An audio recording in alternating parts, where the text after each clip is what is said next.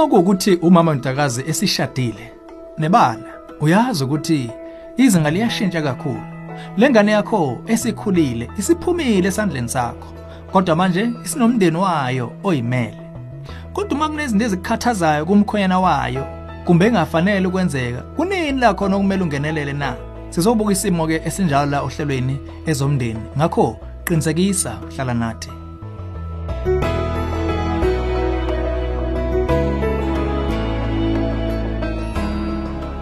Kwamdoda kuba ngithi kuwe sawubona. Ezomndeni uhlelo lwakho lulethe izeluleko eziphathekayo ngaba ka focus on the family.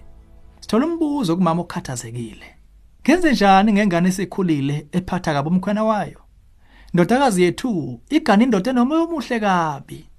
Kodwa indodakazi yethu iyehluleka ukubonga lobo buhle imphatha kabi umkhwenyana ayimhloniphi. Kungiphatha kabi ukuyibona iqhubeka ikwenza konke lokhu. Phambi kwethu izingane nabangani.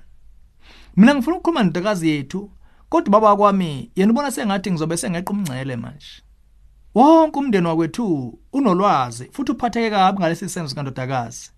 Ikuphi okumele ngikwenze ngempela? Kunzima ukusho ngaphandle kolwazi oluthe xaxa.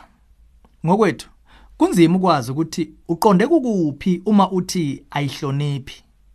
Ngakube ukhuluma ngokuhlukumeza ngamagama nokwemizwa enhliziyo okuserious kakhulu. Kumbe uqonda ukuthi indodakazi wakho uvamise ukunyusa izwi uma ixoxa nomkhwena wakhe. Lolu hlukaniso lungenza umehluko omkhulu ngokuhamba kwesikhathi. Uma ukholwa ukuthi ukuyiphatha kwakhe kubi ngokudlulele futhi kungalimaza okubungozi empilweni yomunye kuzodingeka ungenelele kube khona okwenzayo. Uma ngenjalo lukhulu liyeza liyanyelela dadethu kababa. Okukhulu kuncike kuhlobo lweqophelo obudlane bakho nodakazi wakho. Uma kuwukuthi amaxhama avulekile kuye singakhuthaza ukhulume naye ngemizwa yakho.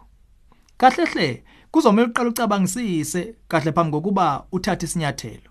Mhlawumbe singaqala ngokusho amagama athi sihlulwe ukuyibamba masibona indlela okhuluma ngayo nomkhwena wakho. Wonke umndeni usiyazi ngalokuziphatha.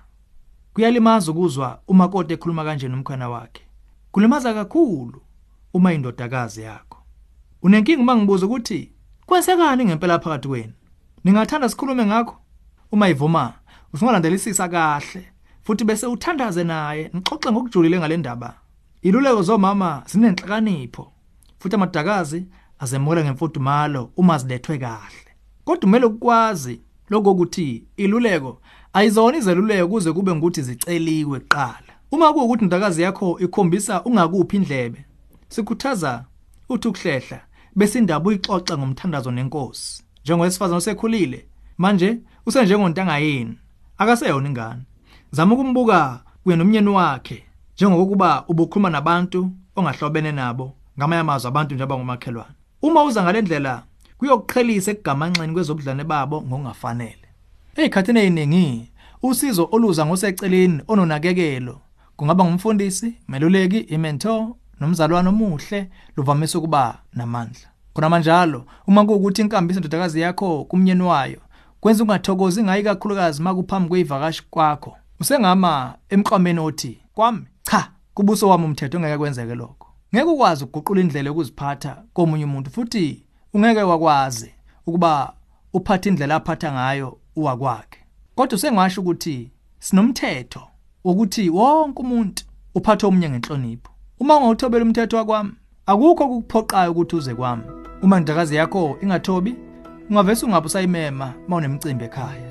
Owethu umthandazo ukuthi ndodakazi yakho ivuleka amehlo kulokhu kubuka kwayo.